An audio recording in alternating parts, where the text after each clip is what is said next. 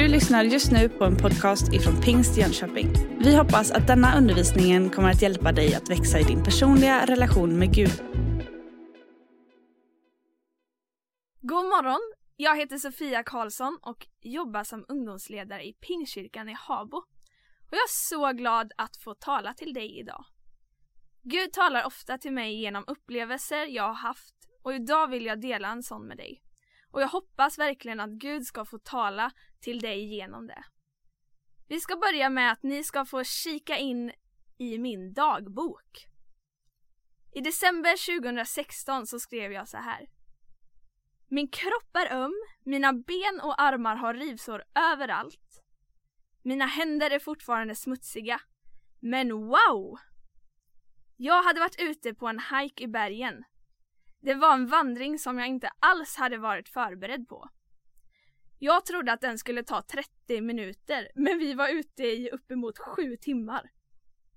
Vi gick på en smal stig med brant sluttning på båda sidor nästan hela vägen.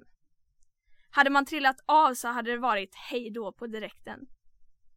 På ett ställe var det massor av buskar och gräs på sidorna som var väldigt vassa så därför var det att jag hade fått massa rivsår överallt. Och det såg ut som att eh, jag hade blivit attackerad av en katt. Vi fick gå genom djup lera upp till knäna och mina skor blev genomdränkta.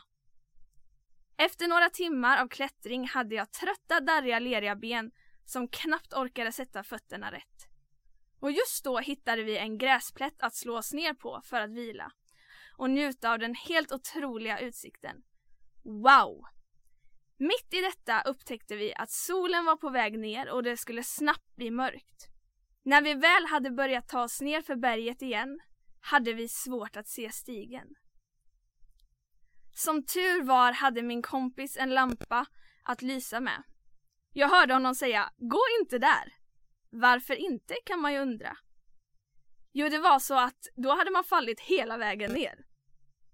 Det var alltså livsviktigt att sätta fötterna på rätt plats. Men det var inte det lättaste. Jag fick noga följa ljuset av ficklampan och min väns fötter.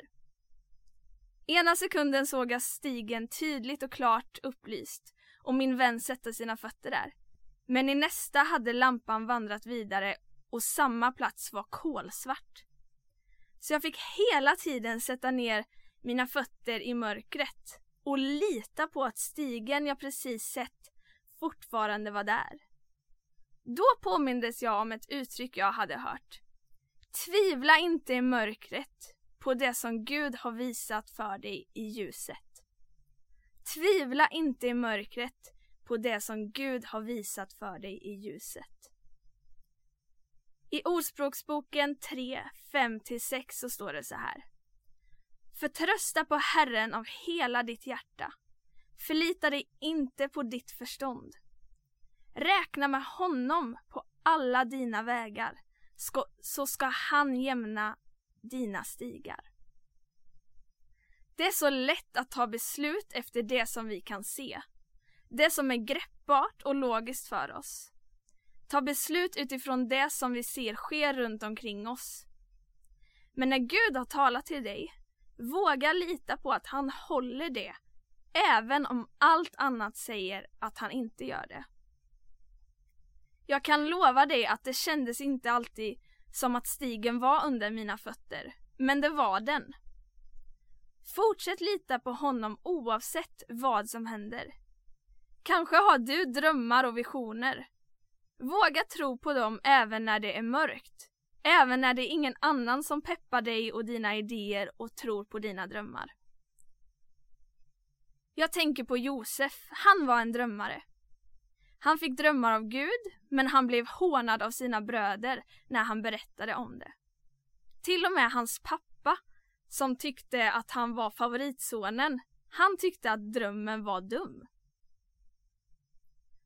Det Josef upplevde att Gud hade talat till honom var det ingen annan som trodde på. Bara det hade varit en tuff situation. Men han fick det mycket värre. Han blev såld som slav, satt i fängelse för något han inte hade gjort. Men han fortsatte att tjäna Gud. Han fortsatte att vara trogen och lita på Gud i mörkret. Han litade på att det var Gud som hade sagt någonting till honom och även om han inte kunde se det så litade han på det. Och efter lång tid fick han se drömmen uppfyllas. Det Gud hade talat till honom stod fast även genom en tid av mörker. Så jag vill uppmuntra dig att vara trogen även om det känns mörkt just nu. Lita inte på ditt eget förstånd utan förtrösta på Herren av hela ditt hjärta. Inte bara när livet känns ljust. Lita på Gud, hans godhet och alla hans löften oavsett om livet känns ljust eller mörkt och ge inte upp. Var med i en bön nu. Herre, jag tackar dig för ja, men varenda människa som lyssnar just nu. Jag tackar dig för att du har en plan för dem och deras liv. Och jag ber att de ska våga lita på att du har talat även om det känns tufft just nu, om de är i en tuff situation. Så tackar jag dig att du kan vara med och påminna dem om det som du har talat tidigare. Amen. Nu önskar jag dig en välsignad dag och att du ska lita på Guds röst in i ditt liv idag. Han vill leda dig. Du har just lyssnat på en podcast ifrån Pingst Jönköping. För att få reda på mer om vilka vi är och vad som händer i vår kyrka så kan du gå in på pingstjonkoping.se eller följa oss på sociala medier via pingstjkpg.